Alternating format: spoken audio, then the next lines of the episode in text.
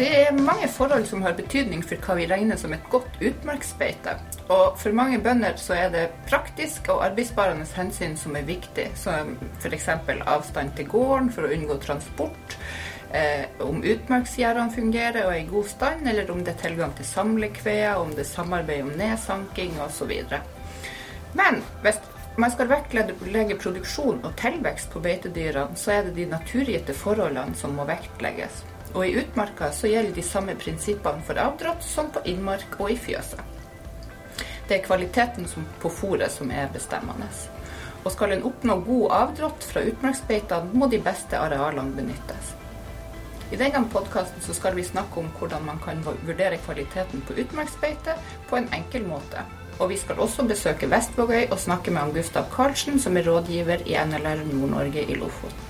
Men aller først så skal jeg snakke litt om beitekvalitet med Finn Arne Haugen, som eh, jobber som, eh, med beitekartlegging i NIBIO. Hvordan foregår det, og hva, er det egentlig dere gjør?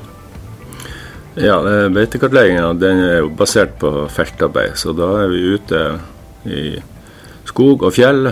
Har med oss flybilder. Så vi bruker en god gammeldags teknikk. Det at vi tegner et kart på, et, på flybilder. da. Og det vi kartlegger, det er vegetasjonstyper. Og en vegetasjonstype det er altså en, en samling av, av planter da, som har samme krav til vokseforhold, sånn at de vil vokse på samme, samme plass. Uh, og et eksempel kan være ei, en skog med mye blåbærlyng. Der vil det jo også være andre arter men som, vokser, som har samme krav til vokseplassen som blåbærlyng. Uh, og en sånn blåbærskog det, det er altså én vegetasjonstype. Og Sånn kan man dele inn eh, all vegetasjon i ulike grupper. Eh, som har ulike egenskaper. Eh, så annet så er jo disse vegetasjonstypene de har forskjellig kvalitet, gir forskjellig kvalitet som beite for husdyr. Så når vi har laga et kart over vegetasjon, så kan vi også si noe om beitekvaliteten i det området. Ja, nemlig. Så da tar dere liksom ut det som er myr, og det som er barfjell, og det som er Ja. At dere deler det inn i ulike klasser. Ja, du kan si at et sånt uh, vegetasjonskart er et, en mosaikk av, av arealer med forskjellig vegetasjon. Så når det gjelder myr, så har vi flere ulike myrtyper, da. Mm. Som er ulike vegetasjonstyper. Så du vet hvor alle moltebyrene er hen? Eh, ja, hvis vi har vært og kartlagt der, så kan man ut ifra kartet finne moltemyren. Men eh, er, det, er, det, stor forskjell i beitekvalitet mellom de her ulike vegetasjonstypene? Ja, det kan være det veldig stor forskjell. Og, og det er jo både lokale og regionale forskjeller. Det kan variere også over korte avstander. Innenfor samme, I samme beiteområde, så kan, bare, så kan det være bare noen meter i, imellom et areal med veldig god beitekvalitet og et areal med dårlig beitekvalitet. Og Det som bestemmer det her, det er jo eh, hvordan berggrunn og, og jord, løsmasser, da, som er i det området. Og så har jo topografien noe å si, altså om det er bratt eller om det er flatt. Mm.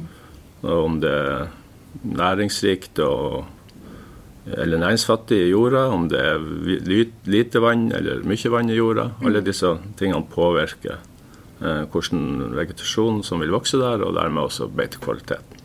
Ja.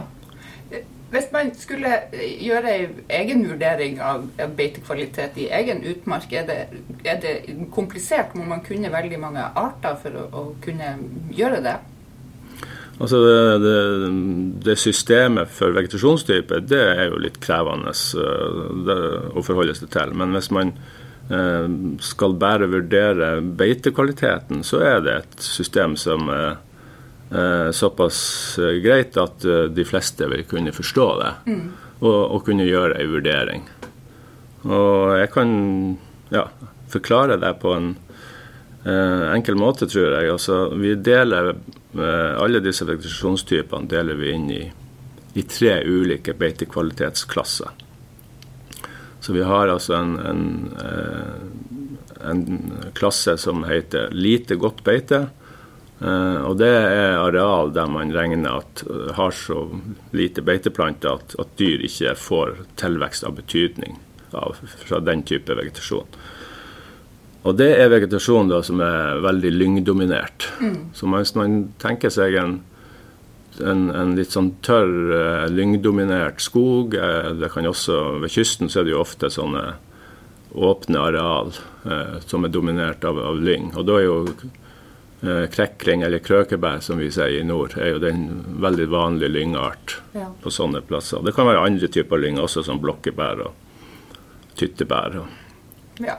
Så når man har eh, de her, den lyngdominerte vegetasjonen, så er det, det altså den dårligste beitekvalitetsklassen, da. Nettopp. Og så uh, har vi en uh, det som vi kaller for middels godt beite. Og da er vi over i blåbærskogen. Altså mm. den skogen som Eller det kan være i fjell også. Det kan være skog eller fjell der man ser at det er mye blåbærlyng. Uh, og blåbærlyngen i seg sjøl beites jo, men poenget er at i, når det er blåbærlyng der, så er det også en del andre arter som, som vokser der. Eh, og som er, har betydning da, for beitekvaliteten. Og Da er jo kanskje verdt å nevne smyle, for det er et gress som er veldig viktig egentlig for, uh, for beite. Det er, ikke den, det er ikke det mest næringsrike gresset, men det er, det, har, uh, det er veldig mye av det, sånn at det utgjør en god del av, av fôret i utmark. Ja, nemlig. Mm. Og smyle kan man kjenne igjen fordi at det er bladene på smyla er så Man kaller, sier at de er trådsmale, altså at de er veldig tynne. Mm. Og, så når man ser uh, tynne bladstrå i, med, med, i lag med blåbærløngen, da, så kan man være ganske sikker på at det er smil. Ja, nemlig. Ja. Så det er den klassen som er, gir middels godt beite. Det er den her blåbærmarka. da. Ja. Og så har vi den, eh, den, beste beiteklassen som vi kaller svært godt beite. Og For å kjenne igjen den, så eh, Det er på en måte den frodige vegetasjonen. Eh, og den har jo ofte veldig mange forskjellige arter. Eh, så, og det kan være veldig stor forskjell fra plass til plass da, hvilke arter som vokser der. Men, men eh, hvis det er veldig frodig og man ser at det er mange forskjellige planter som vokser der, så er man over i den, i den eh, beste beiteklassen. Så med ei sånn tredelt inndeling som man kan forholde seg til, altså tørre, tørr lyngvegetasjon, blåbærvegetasjon og frodig vegetasjon, ja. så har man egentlig en oversikt over de tre beiteklassene. Ok, Så der man ikke kan plukke noen slags bær, er det egentlig best beitekvalitet? Sånn? Eh, ja, men det blir jo et lite unntak, for eh, teiebær det tilhører jo den beste beiteklassen. Og, men det er vel ingen som plukker teiebær for å spise. Så, men, eh, Nei. ikke i noen mengder, iallfall. Men eh, skjønner husdyrene det? Skjønner de er, hvor det er best for dem å oppholde seg? Ja, altså det, til en viss grad, men det er veldig stor forskjell. Eh, det kan være stor forskjell mellom besetningen, og det kan være stor forskjell med, på, eh, mellom enkeltindivid i samme besetning. Mm. Så vi har jo gjort undersøkelser der vi har tatt eh, GPS-data, altså fra radiobjeller.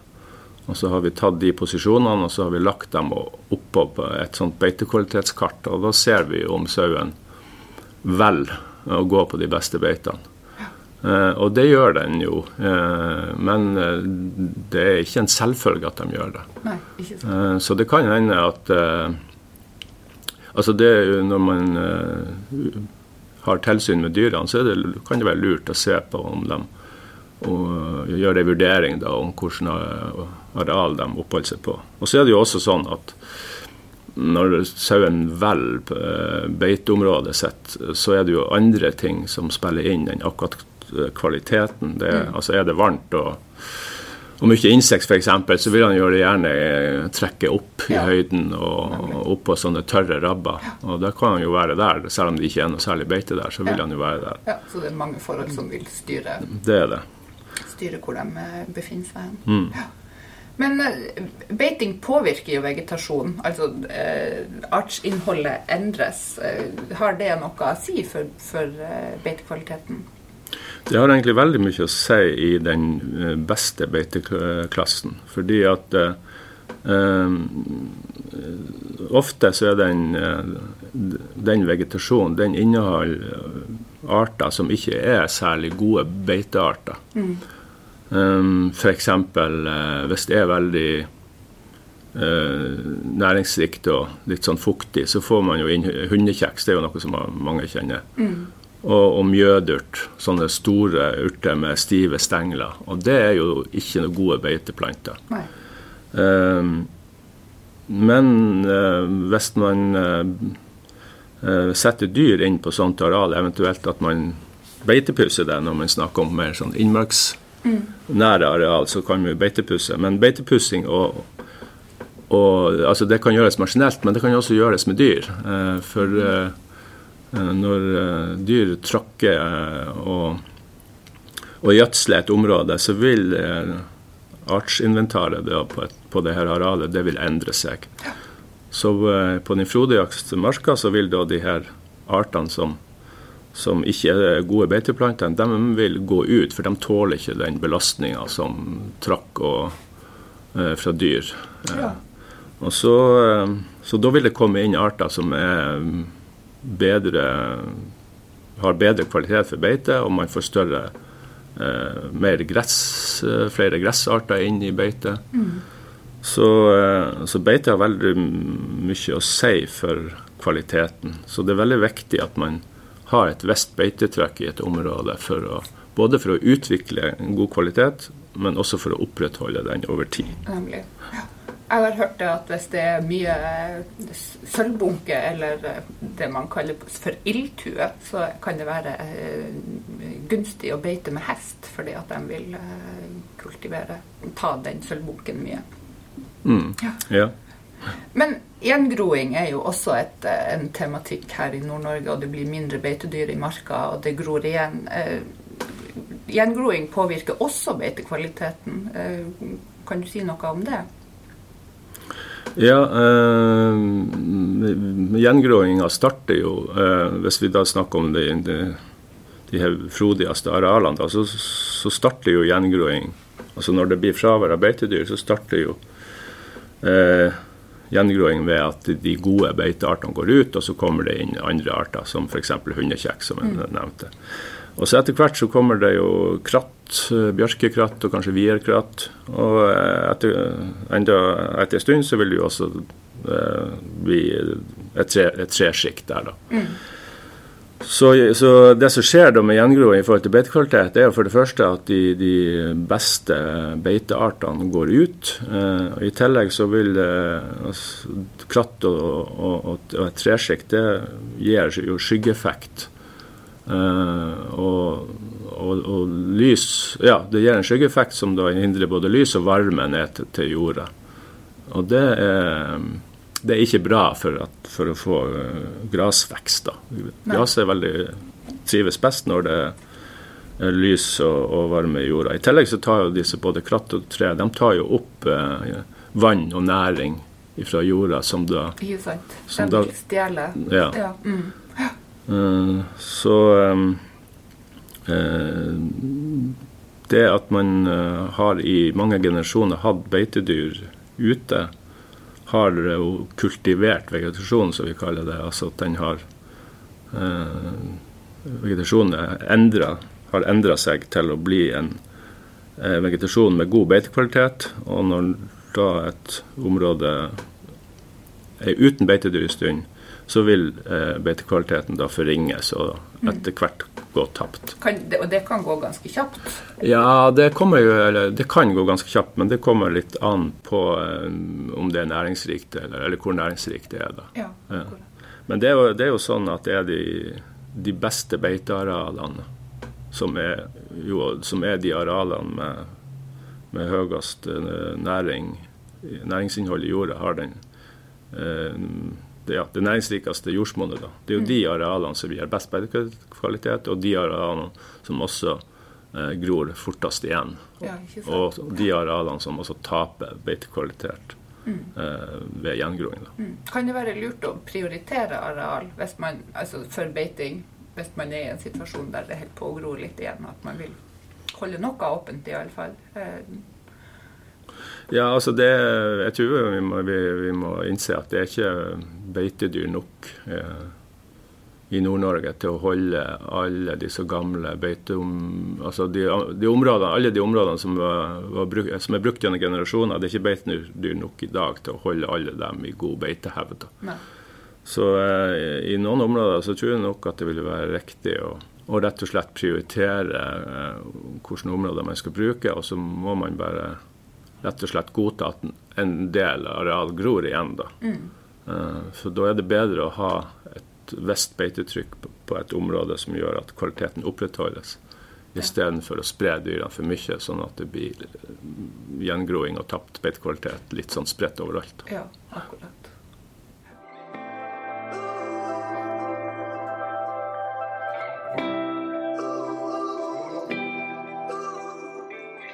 Ja, da har jeg og en Finn Arne faktisk reist til Vestvågøya for å intervjue han Gustav Karlsen, som er rådgiver i NLR Nord-Norge eh, om beite og beitekartlegging og beitebruk. Eh, og Gustav, beitekartlegginga på Vestvågøya har vist at utmarksbeite er, her er av svært høy kvalitet.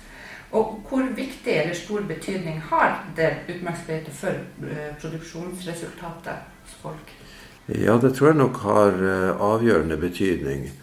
Hvis vi skal eh, få produkter som markedet etterspør, og der liker jeg jo å fortelle om Lofotland, at vi kan få dyrene ut på et beite som er produktivt og næringsrikt, det er jo avgjørende at du får god vekst gjennom hele sesongen.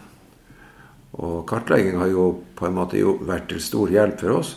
At vi kan styre beitebruken, for noen områder er mer produktive enn andre.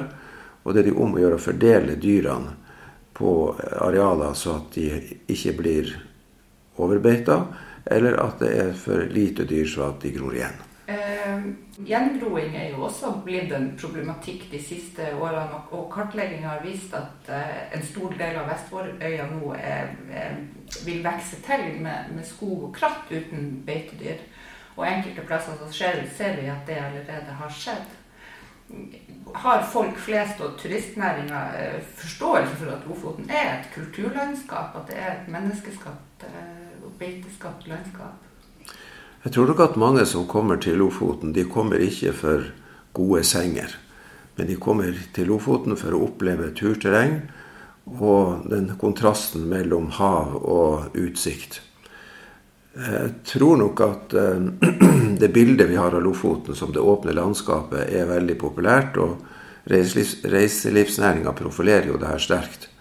Men de siste årene er blitt prega av at landskapet gror igjen. Det er utilgjengelig å komme seg frem.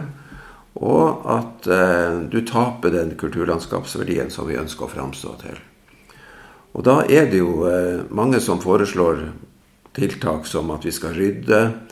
Vi skal få noen geiter. Litt, eh, håper å si Alle sammen skal få litt geiter som kan beite ned. Og vi har hatt en del møter med både landbruksnæringen og kommunen. At eh, skal vi opprettholde det landskapet vi har, så må vi ha forståelse for at bønder som driver beitebruk, må få førsteretten til arealene. Og da er det ingen motsetning, men eh, som han Finn Arne har kartlagt, har vist at hvis vi styrer unna at de beste sørvendte beitene blir disponible for beitedyr i iallfall noen perioder, så greier vi å kombinere med at vi holder landskapet åpent, vi produserer god mat, og dyrene får være i fred. Men mikser vi det her for mye, at det er en turisme, hyttebygging, boligbygging midt inne i sånne områder, så lager vi stort sett konflikter. Men syns du at bondens og, og beitedyra sin innsats for å holde landskapet åpent, blir det verdsatt? Skjønner folk den jobben som gjøres? Vi skulle tro det, for de fleste er jo barn av bønder for en eller to generasjoner siden. Men eh, dagens eh, ungdom, eller hva jeg skal si, 20-30, de har ikke forståelse for det. Jeg vil kanskje si det sånn at det er i økende grad. Men, men det her Gjerdeholdet er jo en hovedproblem. At, at dyr myldrer over et område, og de av og til er de her, og av og til er de der. Og det er jo sånn vi ønsker at hele landskapet skal bli pløyd. Men eh, det skaper problemer med at de dukker opp der eh, folk ikke ønsker at dyr skal være. Og da sier man at eh, da ringer man til bøndene og sier at kom og hent de, nå er de her, nå er de der. Og det skaper veldig mye frustrasjon hos bønder når de mener at vi var jo der først. Ja, ikke sant. Ja. ja. Og der kan man bruke uh, ny teknologi ja. som Nofence for å uh, ja. ja. det tror jeg er absolutt viktig å få fram i samfunnet. At, at no, sånn som prisen er på Nofence, så blir det for dyrt. Og det legges ned stadig gårdsbruk. Og når tre-fire bønder skal ivareta gjerdehallet som 10-15 bønder hadde før, så er det klart at dette det blir en svært stor kostnad og mye arbeid for å holde det At du vet hvor dyrene er. Mm. Mens no offense kan du styre mye bedre også at der vi ønsker større beiteintensitet, kan vi jo styre og ha dyr der. Mm. I, I tilfelle at de, hvis de ikke har no offense, så myldrer de jo litt mer fritt.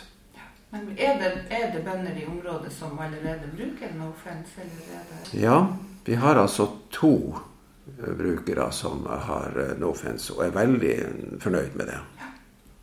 Så, eh, men det er nok kostnadene som på en måte har lagt litt demper på det. Ja. Bruker de da den for å holde dyrene primært ute av områder der de ikke skal være, eller styrer de dem mer i, i vegetasjonstyper som vi vet er veldig rike? Jeg tror det kan bli en kombinasjon. Um, vi har en dame som holder på med sau og, og skotsk høylandsfe. Der styrer hun nok eh, dyrene sånn at de skal primært være der de ikke For å hindre konflikter med. Mens eh, andre områder man eh, tydelig, er man tydelig på at man vil styre beitebruken mer i retning av der produktiviteten er størst. Vestvågøy har jo også et, et, veldig aktivt jordbruk, men, men opplever jo også at eh, folk legger ned, at det blir færre beitedyr i utmarka. Og dette vil jo igjen føre til en forringelse av eh, beitekvaliteten i området. Eh, hva, hva, tenker du, hva skal til for å snu den trenden? Ja, jeg tror vi er inne i en periode der eh, både bønder og forbrukere er mer bevisst på hvor blir maten produsert. Og eh, produktene skal jo i større og større grad bli merka på hvordan nærmat eller lokalmat er. Og bønder de ser jo på at prisene på kraftfôr, drivstoff og gjødsel den har steget, spesielt i år, noe vanvittig. Og da er, tror jeg nok at man ser på hvordan kan man produsere mat i utmark eh, på en rimeligere måte. Og, eh, og det, det, blir på en måte en vinn-vinn-effekt. At man tar i bruk beiter. Man produserer mat basert på lokale ressurser. Og du kan skape et omdømme produktene som gjør at både forbrukerne får forståelsen av at man må ha dyr i beite, og at eh, prisen kanskje blir litt høyere, for det er, det er mer arbeidsomt og mer oppfølging når du har dyr i beite, eller om de står inne på bås. Så jeg tror at, eh, at vi er inne i en periode der eh, bønder blir på en måte verdsatt for å ta i bruk og åpne landskapet, og at produktene blir prega av at det er lokalt produsert. Så eh, hvis vi kan da i noe større grad få brukt no fence, så at du kan ta store arealer i bruk, og du kan flytte dyr og, og få åpna landskap, så, så, har jeg tro på at, at kulturlandskap får et eh, pluss både for at de kan produsere mat lokalt, og at landskapet blir åpent. Takk skal du ha, Gustav. Hyggelig at dere kom.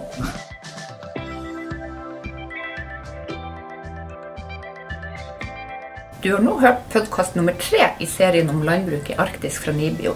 Og I denne podkasten møtte vi han Finn Arne Haugen i Nibio og han Gustav Karlsen i NLR Nord-Norge. Og jeg, som heter Ellen Elveland, vil takke for følget og minne om at denne og de andre podkastene finner du på hjemmesiden til Nibio, eller på Soundcloud eller på Spotify.